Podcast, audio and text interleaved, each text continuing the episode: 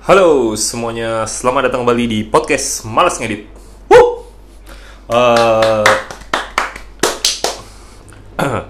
eh, sebelumnya izinkan saya memperkenal- memperkenalkan diri. Nama saya Danes dan di sini ada dua orang rekan saya. Bisa perkenalkan dari sini mungkin? Pakai tadi ya, pakai kerja. Iya, ayo. Pak. Harus. Harus. Tapi nama samaran yang nggak usah. Oh, iya udah. saya Rifki, saya ber- berprofesi sebagai bajing loncat. Ah, kan. Ini gue gak bisa nih. Gue rasa mau keluar. Enggak, dari- enggak, enggak. Saya saya guru tutor saya tutor eh, bahasa asing di satu lembaga di Jakarta. Hmm. Tapi bajing loncatnya? Bajing loncatnya kalau Kalau malam. kalau nggak ada kelas. Oh, nggak ada kelas. Ya halo, gue Fauzi dan gue gu, profesi gue adalah guru sekolah ASN. ASN. Jangan dong. ASN. Eh, tingkat apa? Eh, SMP. SMP. Guru sekolah. Tolong. Berarti yang satu guru les, yang satu guru sekolah ASN. SMP. Oh, satu ASN, guru ASN. sekolah SMP. Eh, tapi lu katanya kan pernah ngajar les juga kayak?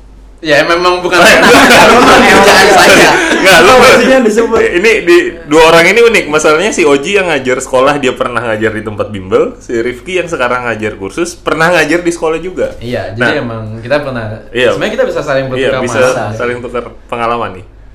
Gua mau tahu dari sudut pandang lu berdua. Aha. Mungkin dari Rifki dulu. Enakan mana ngajar sekolah sama ngajar les? Bimbel. Dan kenapa? Eh, jelas ngajar kursus atau bimbel yang non formal karena beban adminnya banyak sekali guru sekolah. Mm-mm. rapot, mengisi nilai, mengisi absen, anak ngerokok di kamar mandi. Iya dong. Iya, belum tindakan kriminal lain. gimana lainnya ya kan? Buang temen ke kali. Waduh. Waduh. kita pernah kan? Iya, pernah. Buang temen ke kali kan? Pernah, Untung pernah. udah meninggal dia. Kalau meninggal dia nggak kena kita, kita nggak kena dia kan? Iya, Masuk lapas sekali. dia pasti. Iya, betul. Tapi serius, jadi menurut gue lebih enak aja khusus karena walaupun anaknya bisa bandel dan aneh-aneh, tidak akan serandom anak sekolah. Iya. Satu kerandoman yang Gua, kedua, gua paham. kedua beban admin jelas. Gue tuh nggak ada ngisi rapot, nggak ada apa. Walaupun tidak ada uang rapot juga. Panas. tidak ada. Terima kasih pak, tidak ada. Tidak ada. No, no. Thank you kita mah thank you. Wur gitu. Tapi tapi gue lebih menikmati sebagai guru bimbel ya, karena tadi tanggung jawabnya lebih sedikit.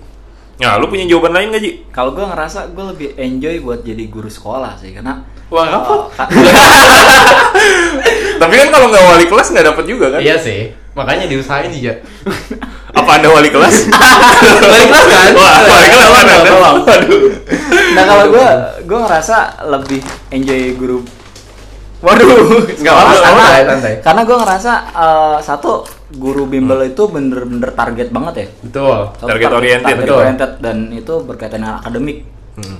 Kalau di sekolah itu ya memang sih ada target, cuman Yang salahnya bimbel. Iya. target kami ya kamu. Nih, target bimbel itu kalian itu. Apalagi apalagi anak-anak kayak, kayak bimbel UN ya. Kalau gua kan kebetulan uh, lembaga bahasa Inggris cuma buat komunikasi jadi nggak terlalu dikejar banget nggak kejar sih cuma kayak nggak separah BT nah, gitu lah. Betul, Iya, betul, nggak sepa nggak separah apa, separah. apa operation gitu. Iya. Dan di situ gue ngerasa lebih enak aja karena di sana guru sekolah itu punya tanggung jawab secara moral maksudnya bang kalau kalau lu kalau bimbel nggak ada ya tanggung jawab maksudnya tanggung jawab untuk ya kayak tadi kan kriminal Iya, sama gitu. nggak, nggak nah ada. buat gue tuh serunya itu di sekolah gitu. oh emang Ntar lu tanggung jawab. Oh, Lah, ka- kayak kayak maksud lu kayak kayak nge-shape anak supaya baik gitu Iya wah tuh menurut gua tuh berat banget sih itu seru menurut lu? seru. Enggak, tapi kenapa tadi lu bilang kalau bimbel target banget. Hmm. Kalau sekolah punya target juga. Jadi apa, apa bedanya Maksudnya, dari situ? Kayak gini, Kalau gua ngerti, apa, gua ngerti. pressure-nya tuh tinggi ya kalau nah di kalau kalau bimbel itu kok gua kalau dalam posisi sebagai bimbel ya nggak dalam posisi gue sekarang kalau anak lu nggak mencapai nilai sekian sekian sekian akan dipertanyakan tuh kita Lah tapi Anda nggak lihat berita ayah bacok wali kelas, anak tidak naik kelas gitu kan? Nah. itu itu target juga kan itu ya. Belum pernah ada guru Ganesha Operation digebukin. betul juga lu atau nggak tahu gitu Atau kita nggak tahu. Eh, kalau misalkan digebukin enggak tapi udah langsung dipecat ya kalau Paling sih, paling kalau kayak ditanya gimana sih kak gitu, apa sih yang kurang gitu. Terus tahu-tahu, tahu-tahu nggak dipanggil lagi. tahu-tahu nggak diterusin aja. Ya gimana sih soal Jadi target Ji? di sekolah target untuknya tuh maksudnya tinggi cuman maksudnya nggak sengoyo nggak pressure-nya tuh nggak setinggi di eh, Di tempat bimbel. bimbel. bimbel dan dan apa namanya kalau di sekolah sekolah tuh apa kan ada kerjasamanya maksudnya kerjasama tuh seluruh itunya enak. Seluruh elemen dan gitu. dan jangkanya dia panjang nah kalau bimbel itu kan eh, ada ada misalkan ada event lah misalkan u- ujian nasional nah itu kan paling tiga bulan enam bulan gitu. Intensif, intensif banget gitu misalnya Oh, banget ya. singkatnya berarti kalau misalnya eh, di sekolah itu kalau anak yang gagal, kalau ada anak yang gagal, lu masih bisa bilang ke orang tua, emang anak bapak tolol. gitu kan? Singkatnya begitu kan? Iya kan? aduh aduh bos situ sih kenapa jadi ke situ Tapi iya mau malas. Lu ya, beban beban moral itu dia. Kalau misalnya ada anak yang gagal, ah, mungkin di sekolah ya, karena gue pernah ke sekolah, eh, paling gue pembelaannya kayak banyak faktor ya kan. Kayak ya kayak di rumahnya gimana, gaulnya gimana. Kalau di tempat les, betul. nih, nih anak gagal nih, gue doang nih, gak ada lagi dah. Nggak nggak ada layer lagi ya? Gak ada yang lain. Kalau di- kata kalau di sekolah tuh ada orang tua, ada teman-teman. Kalau anak yang nggak mau belajar ya, ya bukan salah Oji. Iya. Kalau di tempat gua anak yang mau belajar, ya salah gua. Nah kalau di gue di sekolah di sekolah gue kalau di sekolah itu ketika misalnya ada anak yang kelihatan mulai ada tanda-tanda bermasalah itu kan langsung ada pembinaan. Betul. Jadi misalnya ada deteksi dan maksudnya nggak kalau dia kan sekali gagal kan akan langsung nggak dipanggil, iya nggak? Ya, Sebenarnya nggak sekeras itu sih. Cuma Cuma cuma maksudnya ada ada ada karena karena ada- karena kebetulan kan gua kan termasuk pelajaran yang dalam tanda petik gini. Hmm. Bahasa Inggris itu kalau kalau lu ikut bimbel, Hmm. misalnya kalau ikut bimbel buat sama matkul, asumsinya kan lu uh, ekonominya menengah, Hmm. menengah, menengah, menengah ke atas lah. Bahasa Inggris itu bukan hal yang se- sepengalaman gua teman-teman silakan koreksi. Bukan bukan matkul yang bukan pelajaran sulit untuk anak-anak yang menengah. Mm-mm. Mm, jadi jadi jadi hampir gue nggak pernah nemuin anak-anak gue fail karena karena nggak buat mereka pun bilang nggak terlalu sulit sebenarnya. mereka udah punya modal bahasa. Ah, ah, mereka udah punya modal. Kalau matematik lain cerita. Makanya gue nggak pernah ngalamin kayak gitu. Sampai sampai anak fail ya. Cuma kalau misalnya di tempat yang sekarang, kayak misal anaknya nggak mencapai target kayak belum pede ngomong atau belum apa gue sering. Menurut itu sih paling paling nggak paling targetnya beda aja. Kalau awalnya target gue nilai karena sudah gue nggak bisa bilang pasti sih ya. Cuma kemungkinan besar akan terpenuhi. Tinggal ketika tempat baru yang sifatnya komunikatif, ya anaknya harus komunikatif. Oh. Padahal kan komunikatif kan kompleks sekali. Nanti gue jelasin lagi deh di kuliah usaha mungkin. Tadi itu mana kita? Iya, iya sampai target sih. Tadi. Target, target, target gue itu tadi sekarang udah bukan nilai tapi lebih ke anak harus komunikatif, anak harus pede.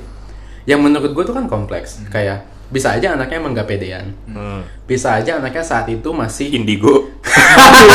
Komunikatif dengan cara lain.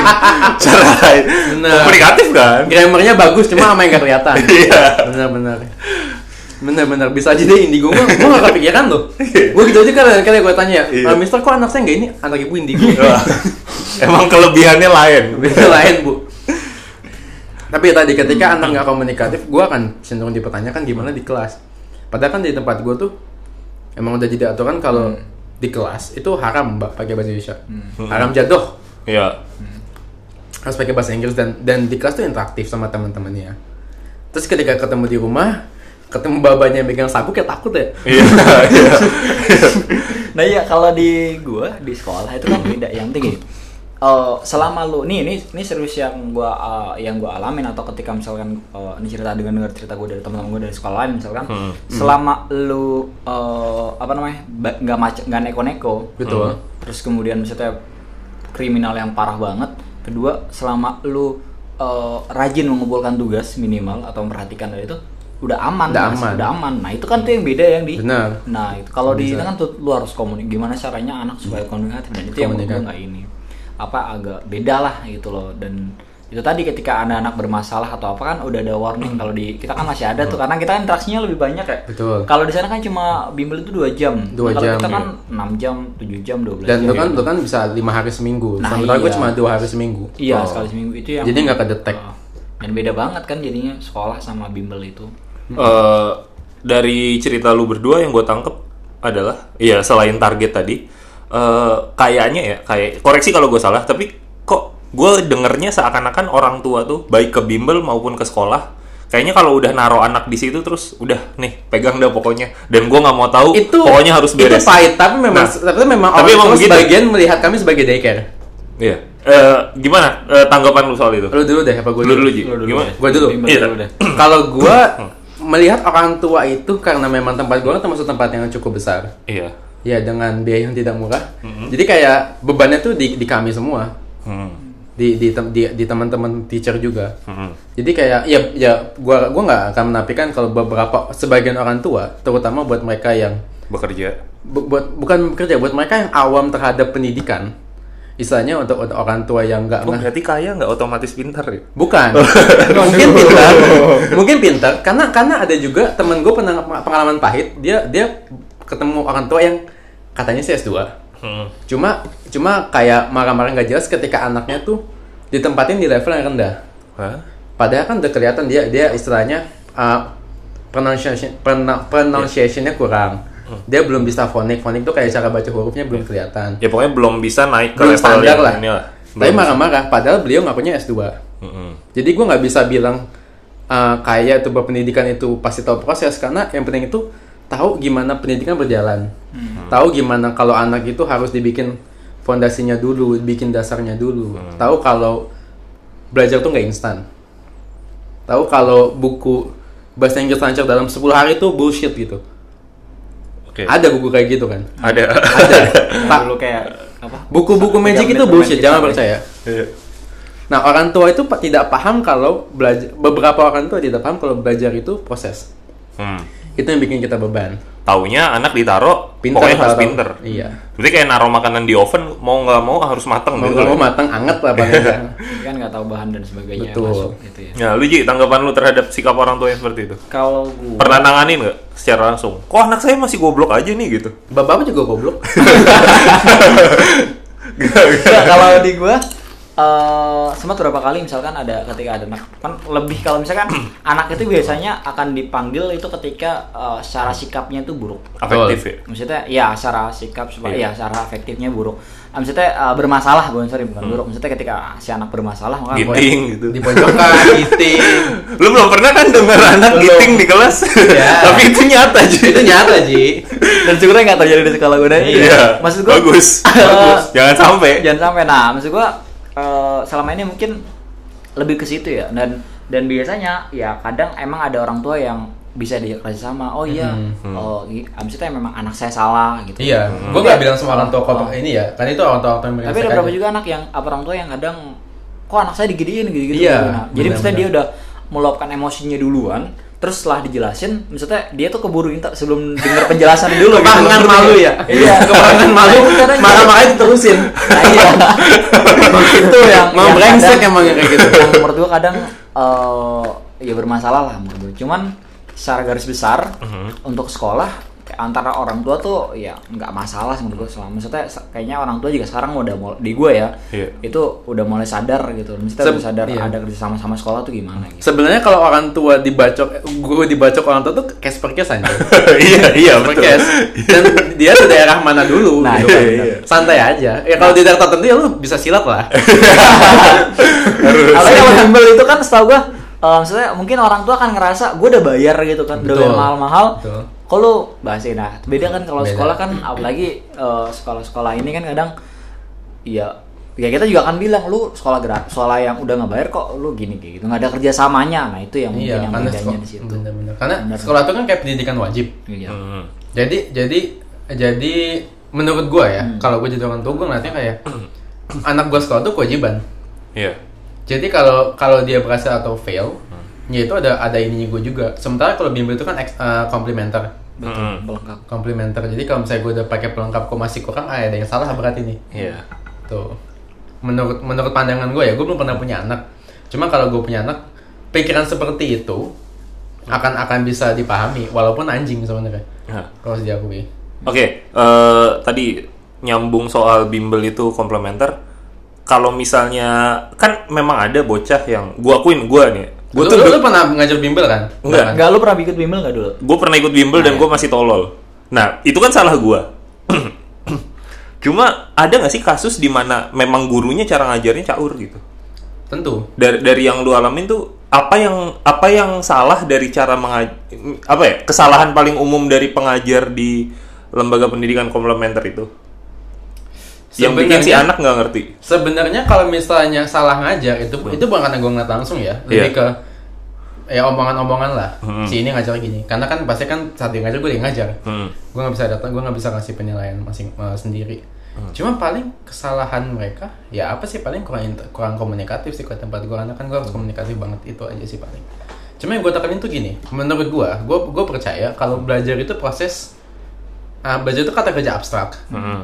tapi sadar Iya. kan? itu nggak kayak kemakan Benar. Hmm. lu nggak bisa ke belajar lu harus sadar betul lagi belajar Hmm. Hmm. jadi walaupun guru lu tuh secanggih apa pun, kalau otak si anak tidak mau belajar nggak akan masuk. Menurut gua. Berarti dua arah kan memang. Betul, dua arah. Si guru menyampaikan, si anak harus reseptif. Jadi- TikTok. Tektok, TikTok. tektok. Jadi jadi untuk makanya gua kalau ngelihat paper kayak cara meningkatkan fokus anak gua agak agak terganggu. Karena Ya, karena- menurut karena kalau gua, orangnya emang nggak mau fokus fokus, itu iya. fokus itu ya bukan tanggung jawab guru, fokus itu tanggung jawab si anak mau nggak dengerin gua. Hmm. Gue bisa bikin lo melototin gue, tapi gue nggak bisa mastiin lo akan mikirin gue dan merhatiin gue, Hmm. gitu loh. Menurut gue. Gimana kalau misalnya ada pernyataan, wah kalau anak di tempat les tuh lebih niat belajar karena emang dia udah masuk situ gitu. Beda sama anak di sekolah yang ya emang sekolah itu wajib tadi. Gimana pernyataan kayak gitu kayak? Lo, lo mau dulu nggak? Gue bisa ngomong. Gue nggak tahu karena gue nggak pernah ikut ikut les jujur aja. Maksud gue eh, itu kayak Kalau kalau dari untuk yang ikut iya, les iya. sih. Gua gua gua nggak setuju sih sama hal itu gitu. Eh. Karena dulu pas gua les juga bukan karena kemauan gue sendiri, emang emang karena disuruh aja. Dan hasilnya tetap tolol. Iya, Ah, maksudnya- sebenarnya itu maksudnya case per case sih. Cuma kan kenapa gue lebih nyaman ngajar les itu salah satu alasannya. Karena anak itu sudah aware, Hmm. Ah, mereka iya. mau belajar. Ya. Tidak tidak bagi, bukan bagian dari kewajiban. Kalau wajibnya di sekolah. Kalau lu mau ikut komplementer berarti lu ada ada niat di situ. Walaupun memang kalau case per case satu dua anak mah ada aja. pasti ada. Cuma overall, pengalaman gue overall sejauh ini anak-anak yang sudah komit di tempat les memang komit. Datang, datang tepat waktu, mungkin terlambat sedikit karena eskul di sekolah atau apa, tapi Dua hari gitu ya. Waduh.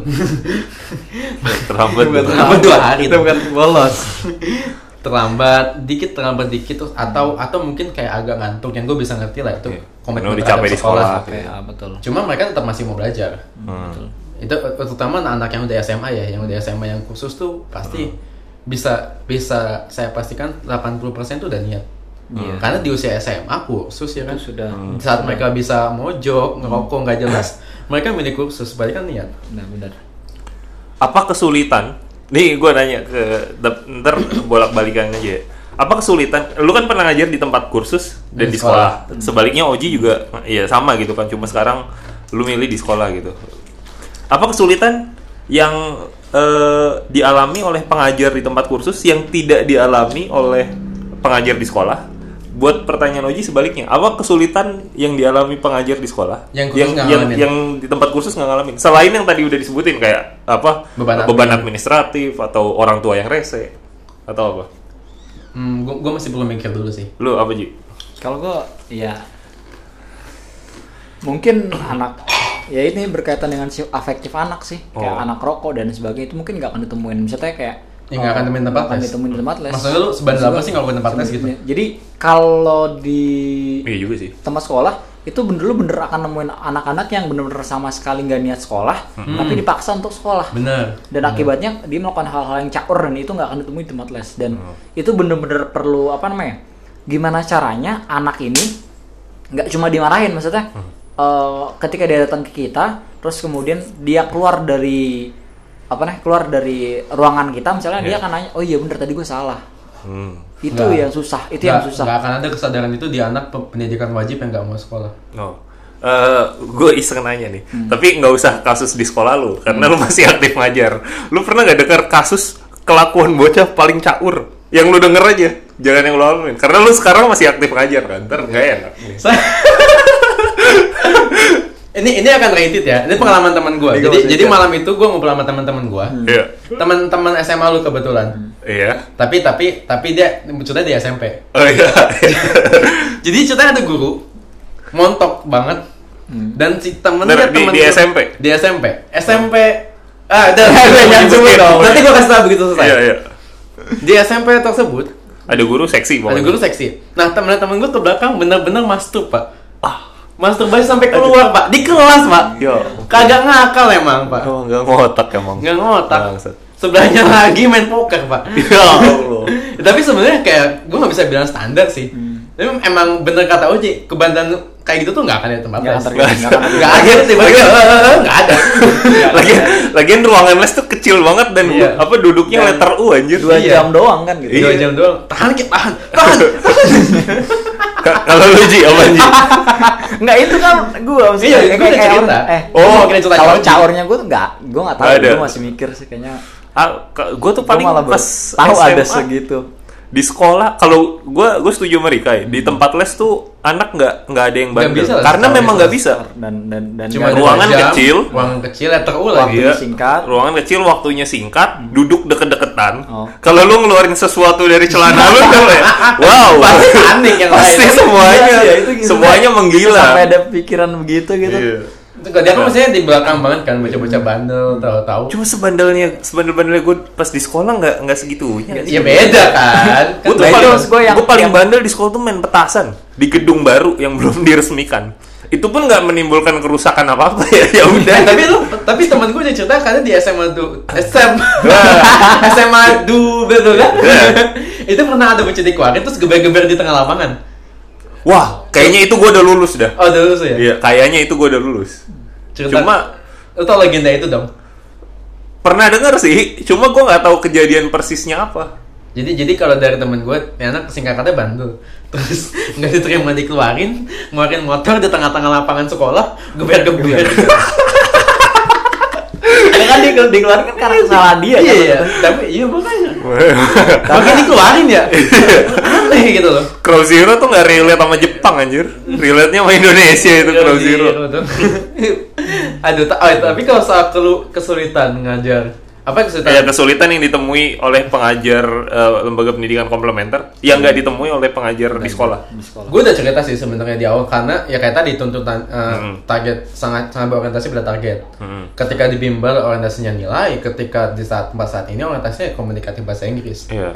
Padahal tidak di, menurut gue tidak dipahami orang tua adalah kalau pendidikan itu nggak instan dan saya, Betul, saya betul, sadar betul. Hmm. walaupun anak itu istilahnya mungkin nggak sebandel tempat tempat yang kita ceritain tadi Hmm. ya anak-anak gue manutan nurut cuma kan walaupun mereka mau belajar nggak serta merta langsung bisa Oh, dan apa ya?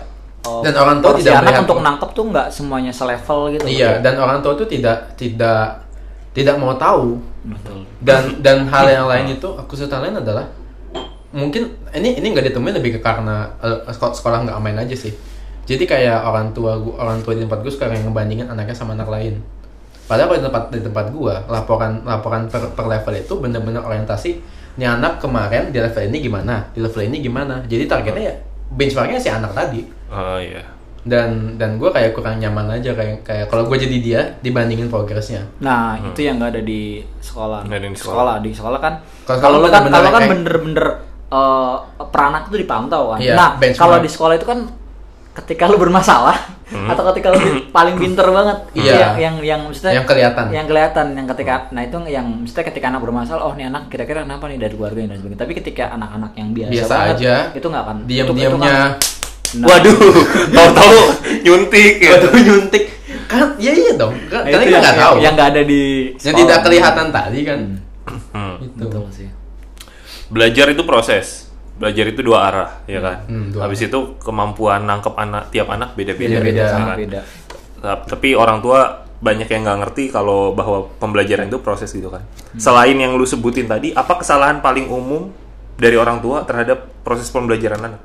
Selain dia bandingin, selain selain dia ngebandingin ya, ngebenchmark.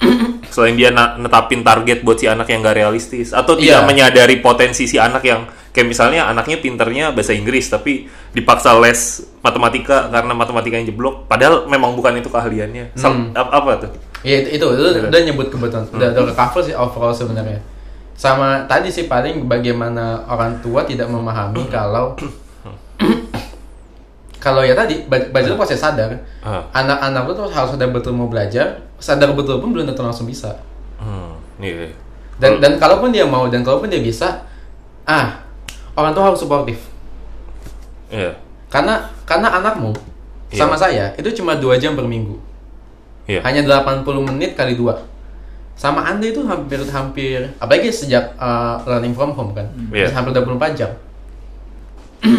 Harusnya gimana kalau kalau biasanya biasanya kalau misalnya laporan laporan per level tuh gue selalu bilang ah, coba di rumah dia ngomong bahasa Inggris atau ditemenin nonton program bahasa Inggris. Intinya adalah gue mau UFC bahasa Inggris. Kan? bahasa Inggris kan program bahasa Inggris. Oh, iya, UFC, UFC, Raw, Smackdown. Intinya adalah eh, harapan gue tuh orang tuh bisa kayak bantu anak, support anak kalau nggak apa-apa nak, yang penting kamu belajar gitu. Hmm, Kadang tuh orang tua tahu tuh set target, tapi nggak nggak disupport. ya.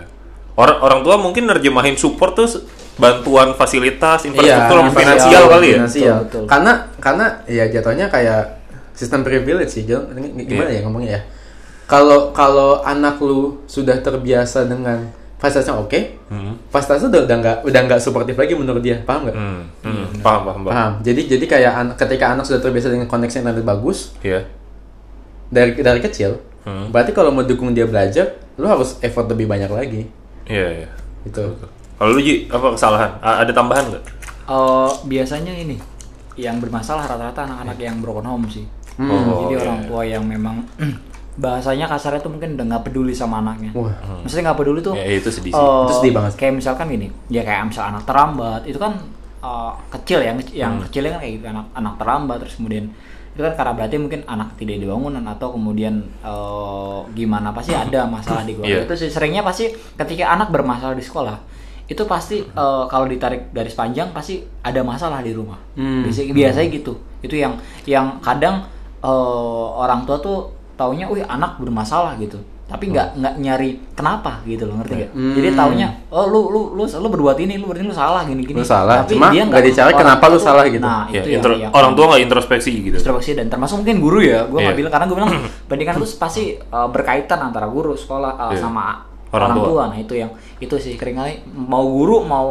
uh, orang tua nah itu seringnya ketika anak bermasalah itu nggak Yang cari dilihat, kenapanya yang dilihat cuma anaknya aja. anaknya bermasalah anaknya dan gini. perbuatan salahnya itu iya Nggak itu dilihat yang- kenapa anaknya kenapa berbuat anaknya demikian. nah itu ya sebagai orang yang pernah sekolah ya gue Iya, bisa relate sih karena ada beberapa teman yang memang seperti itu Hmm. kasihan sebenarnya jadi langsung di biasanya langsung dijudge kan langsung Iya. dihakimi Hmm. itu yang yang yang mau guru mau orang tua itu biasanya kesalahannya di situ ini gue ngomong dua orang Iya, iya, karena kemungkinan dua. karena langsung dijudge dan anak biasanya akan kalau gitu biasanya anak akan akan langsung kayak nggak dihargai dan ini kan Iya, jadi nggak di, betul. Malah makin ini ya? jiwa Iya. kemanusiaannya itu yang malah makin ini kan, malah makin ekstrim. nah betul sih jadi makin bodoh amatan kan Iya. gitu. Bener bener bener.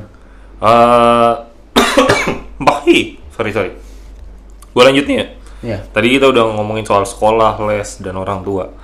Karena kita ngomongin yang lebih umum aja. Gimana respon lu kalau misalnya ada orang yang banding-bandingin? Indonesia tuh pendidikannya harus kayak eh, ini dong, Finlandia atau Asgard atau Olympus atau planet Namek gitu. Maksudnya lu eh, Gue Namek sih. Iya. Gue kan milih planet Namek. Ya, atau Indonesia pakai sistem ini dong, pendidikan Konoha. waduh Ya kan? Apa Konoha tuh tentara anak. Iya, Kamu Konoha- dikadarin. Konoha tuh eh, lucu karena kartun aja gitu. Kalau misalnya kita lihat secara ini, Naruto itu kan ninja. Berapa umurnya gue tanya Naruto? Waktu pertama kali gabung ke kesatuan. 12, 13. Anak kelas 6 SD. Ninja itu kan bawa militer. kunai. Iya. Pikir kau pikir. Ninja itu militer. Ini Konoha melanggengkan praktek penggunaan Eh, tentara anak. Betul. tapi ini ada kaitannya sama ini loh Konoha tuh Somali. Iya.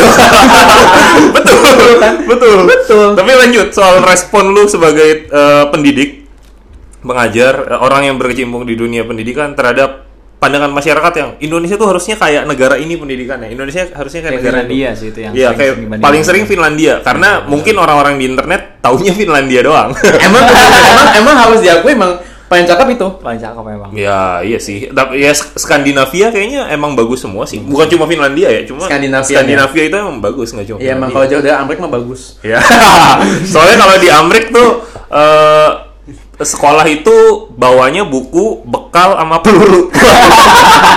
Waduh, Sama Kevlar kalau ada. sama Kevlar. Aduh, apa-apaan? Iya. Masa latihan hari-harinya latihan pembantaian? Iya. Makanya kalau anak di sekolah, anak-anak sekolah di Amerika dadanya pada bidang sering natap lantai. tiarap sering tiarap. Aduh, aduh. Skip, Kamu tidak tahu betapa indahnya sekolah di Indonesia, nah Iya. gitu. Wah Indonesia third world country. Ah, nggak ada bawa beceng ke sekolah. bawa beceng. Ada. Kita nggak bawa beceng. Kalau ke bawah tuh ke parkiran, nggak ke kelas. Di sana tuh akan. Oh, bocah pendiam di Indonesia tuh kalau di sekolah Indonesia ya bocah paling pendiam paling nonton bokep. Iya. Di Amerika bocah pendiam tau-tau bunyi klak klak. Berbahaya. Diam diam diam jadi senapan. Iya.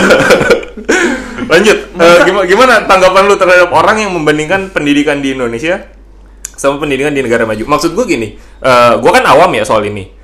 Gue menilai ya itu nggak ada nggak ada salahnya karena memang kita harus bercermin ke Yang baik. ya, yang lebih baik gitu kan supaya kita progres supaya kita maju. Cuma kan maksudnya kayaknya nggak semudah itu juga. Nah, gue pengen dengar dari lu pada nih. Sebenarnya kalau dibilang awam pun gue nggak akan bilang hanya karena gue seorang tutor gue bukan berarti gue tahu segalanya. Gue Iya. pendapat gue akan akan bias mungkin di di kuping lu semua gitu. Jadi Iya. bebas. Em, banyak hal. gue setuju banget sama yang kita ngomongin di awal. Ada ada budaya di situ. Ada finansial jelas. Iya. Pajak mereka berapa? 50 50 53 persen terakhir. 53 persen. tahun 2004 Gajimu gajimu cepet, pajaknya gocap. McD nih, lu McD 30 ribu, pajaknya 15 ribu. Ayam nasi 45 ribu lu bayangin. Tuh. Pajak ya. Pajaknya besar. Banyaknya besar. jadi Tapi kan da, feedbacknya kan sama apa pun terjamin. ya. fasilitas. Soalnya kan Gayus bukan orang Finland ya. Banyak faktor. Menurut gua, sistem kerja akhir-akhir ini ya, bahwa akhir-akhir ini eh, apa ya pendidikan vokasi mulai populer, Hmm. Iya kan? itu D3 Sementara D3 ya D3 SMK. Sementara di Finland kan yang gue baca Hmm. SMK SMA-nya aja, SMA SMP-nya aja udah mulai kayak ada vokasi-vokasinya, udah ada penjurusan. Penjurusan ya. Ya kan udah mulai ada vokasi lah istilahnya. Hmm. Sementara di kita vokasi itu baru populer dalam satu dekade terakhir. Hmm. Ya mungkin pelan-pelan kita bisa kayak gitu juga. Hmm. Cuma perlu menurut gue perlu dibantu dibantu masyarakat karena profesi vokasi itu tidak populer. betul Iya betul. Iya, kayak kayak teman kita gondrong desain grafis. Coba Iya. lu tanya bocah kecil 11 tahun, nak mau jadi apa? Ada nggak yang jawab desain grafis? enggak Tahu aja mungkin enggak. Tahu aja mungkin nggak. Ada Nggak akan a- kepikiran. atau atau kayak news anchor atau profesi apa pun yang sebenarnya banyak jalur vokasinya atau kayak kayak mekanik Mm-mm. and etc gitu. Iya. Engineer Kayak gitu. en- engineer dan lain-lain. Karena menurut gua, ka- ketika karena demandnya orang tua itu anaknya kerja di bidang yang formal, dokter, PNS, and whatsoever. Sehingga ketika vokasi nggak terlalu populer ya sekolah vokasi tidak terlalu rame. Mm-mm. Ma- maka makanya kenapa belum cocok ya lebih karena ka- menurut gua Hmm. vokasi itu belum cukup populer aja. dan Iya. dan di kita kan itu kan eh, budaya mengagungkan ijazah kan sangat sangat Betul, itu satu Maksudnya, hal itu hal lain. Itu penyakit negara Asia ketika misalkan lu Itu terampil Asia lu terampil dengan D3 misalkan atau Iya. kita dengan pendidikan vokasi terus kemudian ada orang yang pendidikannya jauh di atas Oh, iya. itu Tapi vokasinya lemah. tapi vokasinya lemah tetap Ada orang, gua ra- ada orang yang nggak terlalu terla- terampil tapi ijazahnya lebih tinggi daripada Iya. yang akan di tetap yang karirnya akan naik ini Iya, Itu sih. itu itu salah satu hal lain. Jadi jadi kenapa? Jadi gue nggak bisa nyalahin pemerintah seutuhnya. Toh masyarakat juga masih butuh masih dan dalam petik gila ijazah. betul Iya, sistemnya masih gitu ya, muter di situ. Itu ya? masih gitu. di. Tapi- Sementara di Finland kan udah udah pervokasi. Jadi anak-anak udah tahu mau jadi apa dan orang tua akan support suportif aja. Coba kalau lu kayak kayak anak bisa mau jadi apa desain grafis apa nggak dipukul palanya emaknya gitu. Udah kamu jadi PNS aja, udah Iya, kamu iya. jadi ini aja, udah kamu jadi itu aja. Ya orang tua juga masih kayak gitu kok. iya betul sih Sekalipun itu udah menghasilkan uang ya. Padahal udah jadi uang. Hmm. Padahal udah bisa Iya. proyeknya bisa gede cuma kamu jadi PNS dong kayak anak si ini gitu. Iya, iya, iya. Kayak gitu-gitu mindset kayak gitu masih ini. Jadi gua rasa sekalipun kita bisa mungkin oh, sekalipun pemerintah bisa maaf maksud gua apakah masyarakat mau dengan sistem seperti itu? Emang kelihatannya ideal anak-anak terkhusus ter- pada bakat. Tapi berapa orang yang bisa mengapresiasi bakat tadi? dan dan dan apa namanya ya intinya Tapi gua- itu oh, pendapat gua iya ya. sih. kalau gue benar-benar sama sekali nggak setuju sama orang yang kadang eh, mengagungkan eh, Finland. Finlandia ya Atau negara maju itu. lain. tapi seringnya Finlandia makanya gue kan Iya. langsung nyebut Iya. Finlandia dan eh, rata-rata secara nggak langsung mereka kayak ayo dong kita harus ngikut misalnya kayak mereka tuh kayak apa sih namanya tuh eh, nyeplak banget gimana sih Iya, Jiplak, jiplak. jiplaknya tuh bener-bener Plak-plak plak-plak banget Iya. gitu loh nggak bisa gitu jadi kalau dalam pendidikan itu kan ya Kenapa tadi ada, bisa? ada apa Dia ada jelasin. ada kebiasaan yang beda contohnya kayak gini kayak tadi lu bawa bawa Konoha. Kenapa Iya. anak 12 tahun Di Konoha? iya udah megang kunai ya karena emang budayanya di sana kan budaya Iya. uh, perang dan Budaya tentara anak. Budaya, budaya Iya. tentara anak. Aduh. Udah ya. nah itu yang yang yang beda banget gitu loh dan Hmm. kedua juga apa secara fasilitas kita beda jauh maksudnya uh, fasilitas yang kita memang 20% apa beda teman kan uh, Jadinya kita- ke mana? iya dan jadinya ke mana terus kedua juga kan uh, pajak kita kan kecil maksudnya nggak iya. sebesar Kecil, kan iya. sampai Rasanya 20% kecil. Itu kecil, nah itu jadi kan pemerintah itu kan kalau punya pajak besar dan di sana kan nggak nggak di apa uh, nggak dikorupsi lah bahasanya Iya. maksudnya pajaknya apa memang pemerintah besar nah dia bisa bangun fasilitas dan sebagainya bangun sistem dan masyarakatnya pun enak diajak kerjasama gitu loh. Iya. dari sini seperti yang tadi kita obrolin kan ya mungkin ada orang tua yang lepas tangan atau kemudian ada yang Iya, guru kayak yang- tadi kita main ada aja. guru yang gimana gitu kan pasti ada. Nah itu yang yang kadang nggak ini gitu. Dan kemudian kita juga sini kan masih mengagungkan nilai dan sebagainya. Jadi nggak bisa lu uh, metak banget maksudnya ada budaya yang kita juga harus pendidikan itu harus menyesuaikan gimana sistem itu harus menyesuaikan dengan budaya budaya masyarakat di situ gitu. Loh. dan, dan mungkin mungkin vokasi yang terlalu obvious mungkin bukan bukan jalan. Mungkin ya mungkin ya. bukan bukan bukan bukan. Jalan jalan sih jelas sih gue itu jalannya. Cuma mungkin masyarakat kayak belum sepakat aja kalau vokasi yang terlalu obvious kayak lu lu SMP lu pengen SMP udah decide lu mau jadi desain grafis SMP lu decide udah jadi mau jadi teknisi Insinyur gitu ya. Mungkin insinyur ada kali ya cuma kan masih umum kalau SMP decide gue mau di mineralogi misalnya Iya. itu kan langkah yang cukup berani kan untuk anak SMP decide kayak gitu dan anak-anak sosial kita biasanya kan gue bilang ngajar SMP dan anak-anak tuh maksudnya mereka tuh masih kayak Hmm. eh, ngawang maksudnya untuk nanya cita-cita tuh kayak masih jauh gitu Masih loh jauh. nggak? ada berapa mungkin satu iya dua yang itu itu yang itu satu satu lain kenapa kita nggak bisa pakai Finland karena orang anaknya pun belum tentu tahu mau ngapain. tahu iya. Hmm. maksudnya dibikin vokasi banyak kalau nggak ada yang ngisi buat apa? Betul betul. Gue gue nambahin dikit soal budaya sih. Kalau kalau bicara budaya, gue rasa itu bukan spesifik punya Indonesia sih, tapi kayak memang budaya negara Asia gitu yang mengagung-agungkan pendidikan formal sih, kayak ijazah apa segala macam, nilai tinggi dan ya itu aja sih yang mau gue tambahin. Lanjut, tadi sampai mana? Oh vokasi ya? Iya vokasi. kayak tadi sih. jadi anak anak tuh kadang belum tahu mau jadi apa walaupun kalau anak-anak gue tanya mau jadi youtuber sih rata-rata. Iya. menurut gue itu jawaban menurut gue terlepas dari kedengarannya nyeleneh tapi udah jawaban bagus karena ada alternatif. Tapi rata-rata kayak gitu cuman sekedar ikut-ikutan Iya. viral. Gua- yang gua nggak tahu, tangkap ya ketika Iya. itu mau uh, anak SMP atau anak SMA ya. Maksudnya di sini tuh kita tuh masih kayak belum punya planning kita ke depan mau jadi apa gitu. Maksudnya Betul. uh, bahkan bahkan kadang sering kali gue dulu pernah ngalamin ketika gue kuliah bahkan sekuliah sekalipun gue kayak anjir gue Mau jadi apa salah ya? jurusan gitu Iya. atau gue pas udah mau lulus kuliah itu baru mikir gue mau kerja apa ya itu loh ngerti nggak itu yang nggak ada ngerti. gitu loh Jadi kenapa sistem vokasi kurang masuk? Vokasi dini terutama. Iya. Ya karena anaknya sendiri belum tahu mau jadi apa. Anaknya sendiri belum tentu mau Sementara jadi di Finland SMP aja udah ketahuan mau jadi apa. jadi SMA tinggal nerusin lagi. Ya karena mereka tahu. Oke, dan fasilitasnya tadi Wah, kamar banget. Dan kita aja kan sekarang lagi belajar daring tuh. iya. Nah, Nah, se- sebelum ke sana, gue mau tanya ini dulu sebelum ke pembelajaran daring. Nanti kita ke sana. Dari tadi lu kan bicara, dari tadi kita sih bicara anak gitu kan. Anak begini, anak begitu, anaknya belum tahu mau ngapain. Lu berdua kan tiap hari berinteraksi sama anak nih ya, mendidik, mengajar mereka. Dan suatu saat lu akan punya anak juga pada. Oke. Nah, untuk mengubah bocah yang menurut lu nih, anaknya nggak nggak tahu mau ngapain, anaknya nggak tahu cita-citanya mau apa, apa yang harus dilakukan orang tua? Pertama orang kenalin. tua dan guru sih. Iya orang tua dan guru. Orang dan guru ya. Tapi tapi kalau peran gue sebagai guru karena gue kebetulan guru guru bahasa Inggris. ya paling paling cara gue kalau ada chapter tentang profesi, ya gue akan ngeliat profesi sebanyak mungkin selain profesi formal. Iya. Ada banyak ada banyak opsi loh. Are a lot of jobs in the world gitu. Selain yang kayak engineer, dokter segala macam, gue kan papak-papak ngasih bikin presentasi. Pawang hewan. Ada Steve Irwin. Steve Irwin. Iya. Dimakan gue ya. Hmm. Jangan percaya. Pegulat. Pegulat. Eddie Guerrero meninggal. Iya. Ngapa gue matain serius? serius. Kenapa gue matain semangat orang?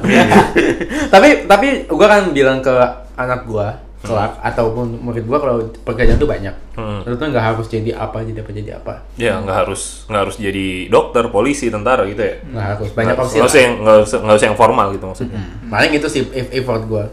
Tapi kalau anaknya kepengen pengen mau jadi yang ti- tadi ya gue nggak bisa maksa juga. Jawaban lu sama? kalau gue iya sama sebenarnya anak tuh harus digali dulu maksudnya diarahin itu kan orang anak tuh bisa punya ciri khas ya gue sering Iya. banget interaksi sama anak dan, oh si A ini kayak gini si B ini gini itu bisa guru aja bisa yang misalnya eh, yang cuma 12 itu kan bisa Iya. ketahuan ya apalagi orang tua bahasanya nah itu yang kadang perlu dicari sih misalnya anak eh, dulu ketika misalnya ketika kita apa namanya eh, SMA kalau nggak salah ada namanya tes IQ gitu ya? Bisa tes tes yang untuk Psikotes gitu. psikotes. itu nah itu juga menurut gua penting banget tuh buat diadain di ketika SMP atau misalnya meski teman biar anak tuh kelihatan gitu loh. Dan kemudian setelah itu nanti ada report dari guru oh nih anak ini ke sini nanti dari guru ataupun dari orang tua tuh ngarahin loh. Misalnya Hmm. nah jadi udah kayak eh, arahin gitu loh ngerti nggak? Iya, Ngerti, iya. ngerti. Tuh, Tapi penyakitnya orang tua kalau misalnya ternyata minat si anak nggak Nggak seksi. sesuai, iya nggak seksi, nggak sesuai sama apa yang mereka cita-citakan, Akan itu biasanya di di apa sih di, Di divert iya di divert gitu, dibelokin. Misalnya minat si anak jadi seniman, Hmm. terus di kultur Asia, gue nggak cuma nggak bilang Indonesia, ya, di Asia kayaknya seniman tuh kurang seksi gitu kan. Iya, Terus sangat, lu sangat. diarahin lu jangan jadi seniman. Tapi DJ jadi- seksi. Ah,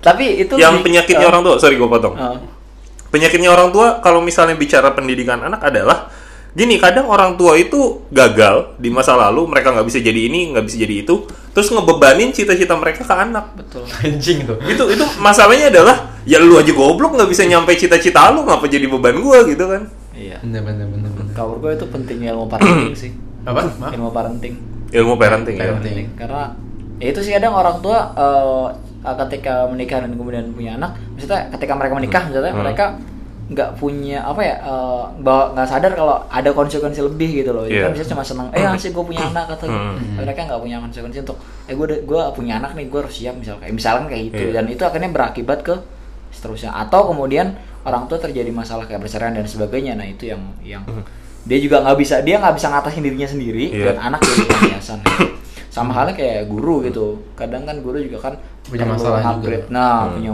masalah atau kemudian dia eh, apa namanya nggak mau upgrade misalnya eh, Iya. zaman sekarang kayak gini nih gue gimana caranya bisa biar gue bisa diterima sama anak murid didik gue gitu loh Iya. karena ada orang tua kan yang kayak ini cara eh, eh, guru yang kadang yang- ini ini cara gue gitu loh Iya. emang cara gue gini jadi tapi dia nggak nggak nggak sadar bahwa lingkungan sekitarnya udah berubah dan dia harus menyesuaikan dan entah dari cara ngajarnya entah dia cari pendekatan ke anaknya Guru itu tua ya yang biasanya. sering kali iya sering kali Udah guru- ngomong aja guru tua gitu lah. Ya, guru tua. Karena karena ya lu sepakat lah. Iya. Kita sepakat lah kalau guru yang berusia lanjut tuh agak kaku susah dibilangin. dan ada guru guru-guru muda pun itu pun nggak kemungkinan juga untuk kayak gitu juga Ya, itu sih belaga idealis aja. Nah, Belum itu. dikeplak aja palanya sama realita. Nah itu Iya. kadang juga maksudnya guru itu juga perlu belajar uh, misalnya perlu mengetahui dunia anak gitu loh yang, Hmm, yang iya. diajarnya gitu loh. Kan sekarang anak tuh ada apa sih apa sih gitu yang dan dia perlu apa ya membuka diri sih kadang. Ada guru juga yang kadang uh, terlalu tutup gitu nggak mau Iya, dikritik nggak mau paham. di ini gitu. Maunya gue bener gitu itu juga. Guru korut.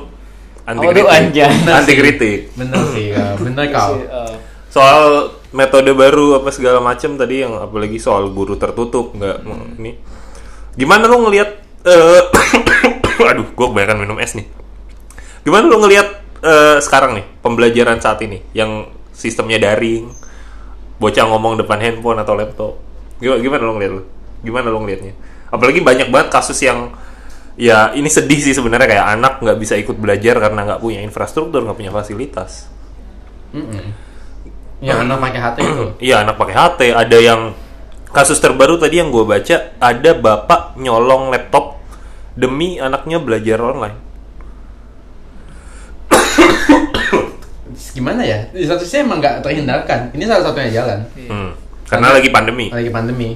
Di sisi lain berarti ada kewajiban negara untuk betul idealnya ya. Ini idealnya. Gua gua gua nggak tahu undang-undang mana yang akan gue pakai buat nuntut ini. Cuma Idealnya. idealnya seyogianya kalaupun nggak kalaupun nggak ngasih kasih potongan lah kasih subsidi Hmm. untuk fasilitas-fasilitas tertentu entah laptop atau entah HP atau kalau misalnya anak punya KJP atau KIP kasih diskon Iya.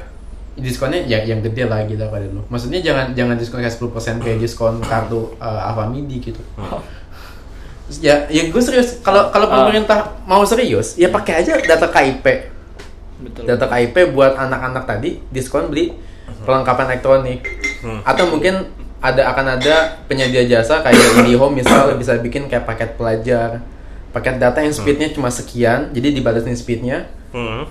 tapi ya, tapi lebih murah. Ya. Kita kan buat belajar doang kan, nggak buat streaming Netflix atau nggak buat main yang pingnya tinggi gitu aja santai. YouTube gitu kan. Nggak nggak harus. Nah, Ya, iya ya sih. YouTube-nya yang 720p aja, tahu diri lah gila. Enggak lah, gue mau yang 1080. Waduh, udah, udah murah nih sih mintanya hati. Lu Ji, tadi punya banyak keluhan Ji soal kebijakan pendidikan. Aduh. Coba dong. ngeri Kalau kalau keluhan- tiba-tiba ngomong gitu ngeri Kalau keluhan gue lebih ke infrastruktur tadi sih. Hmm. Ide- Idenya pemerintah mengasih bantuan subsidi buat infrastruktur supaya ya nggak ada kejadian nyolong laptop, nggak ada kejadian orang belajar pakai HT, nggak ada kejadian orang HP satu dipakai berempat. Sih. Nebeng di rumah tetangga wifi-nya. Ini mah akarnya terlalu dalam sih. Soalnya bener loh. eh, Enggak, soalnya masalahnya eh listrik aja belum merata, coy. Betul. Betul sih. Listrik aja belum merata. Ya idealnya sih Sulit. Ya, ini membuktikan kalau memang ngurus negara susah. Waduh.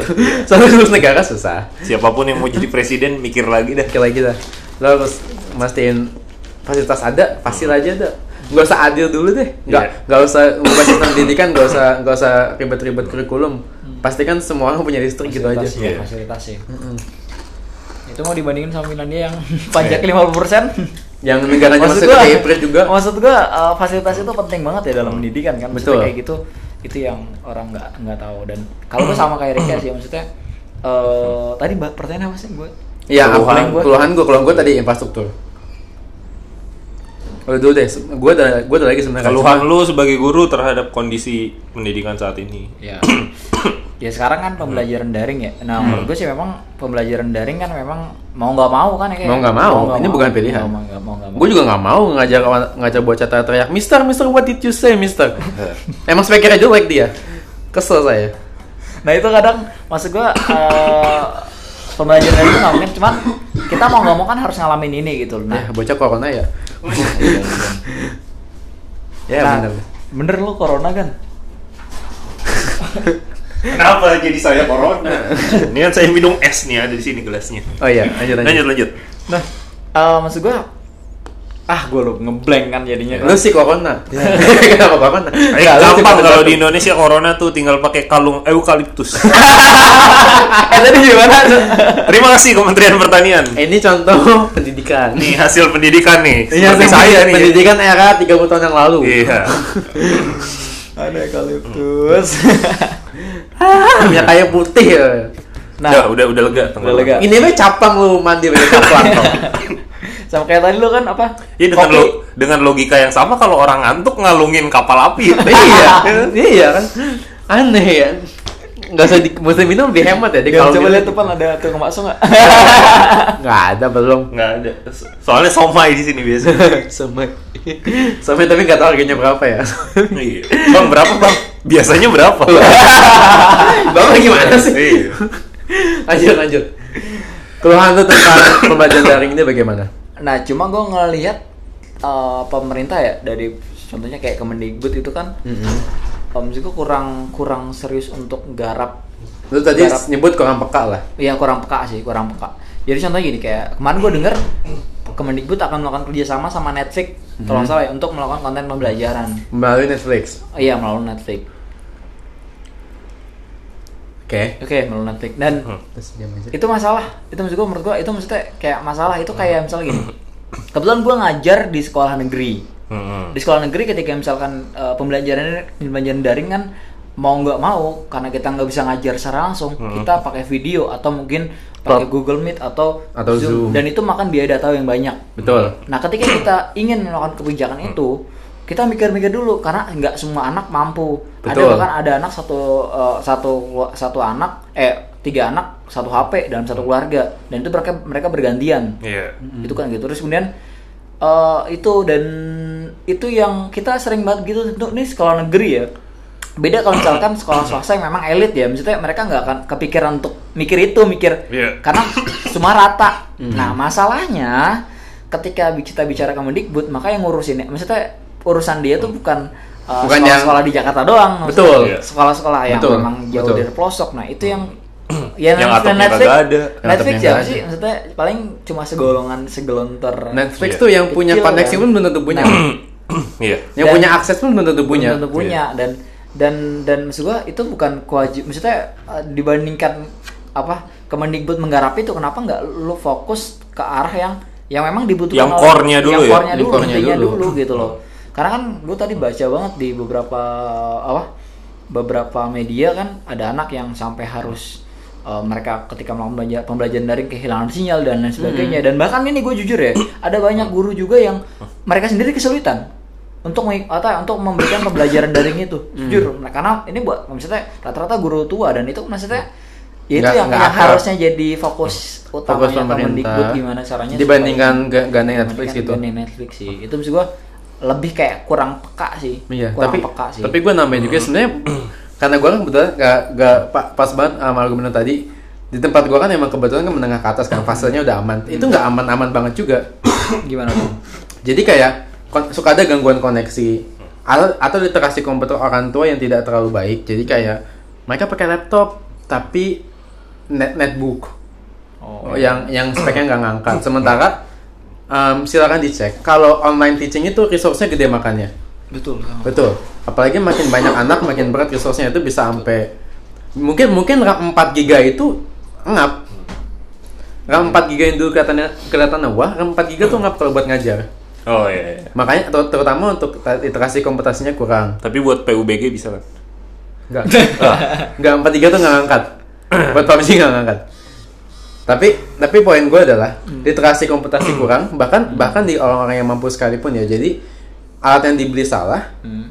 sehingga ngangkat apalagi ke- apalagi kalau jatuhnya Ya, kayak gini bener-bener kasusnya memang- yang memang- yang memang. tidak yang tidak yang menengah teman-teman kita yang menengah ke bawah yang Oh, tidak punya itu, akses oh. yang akhirnya beli beli yang murah jadi nggak optimal juga ngelek putus-putus ya Jadi- ada orang yang bahkan cuma maksudnya eh, lebih ya kayak yang mending mending gue makan daripada gue nyiapin kuota misalnya iya. kayak gitu itu yang yang Itu hal lainnya. Yang primernya masih Yang ngap ya. ngap maksudnya kok kenapa tiba-tiba jadi gandeng Ta- Netflix tapi tapi harus diakui memang ini tidak ada pilihan Hmm. berarti tinggal opsi bagaimana pemerintah cukup bijak Hmm. memberikan menurut gua gua gua ngasih gua nggak ngetek doang lah gua ngasih op- opsi Iya. opsi gua adalah lu subsidi ele- elektronik dan perkuat perkuat sapras itu opsi gua. Betul sih. itu dari gua itu ide gua. Sama jadi, jadi gua sih. nggak ngata-ngatain doang nih. Lu gua bilang gua ngasih ide gua juga gitu. Sama gue kemarin gak dapet eh, teman gue jadi cerita. Dia pernah ikut seminar eh, kebetulan pembicaranya tuh dari Malaysia tetangga.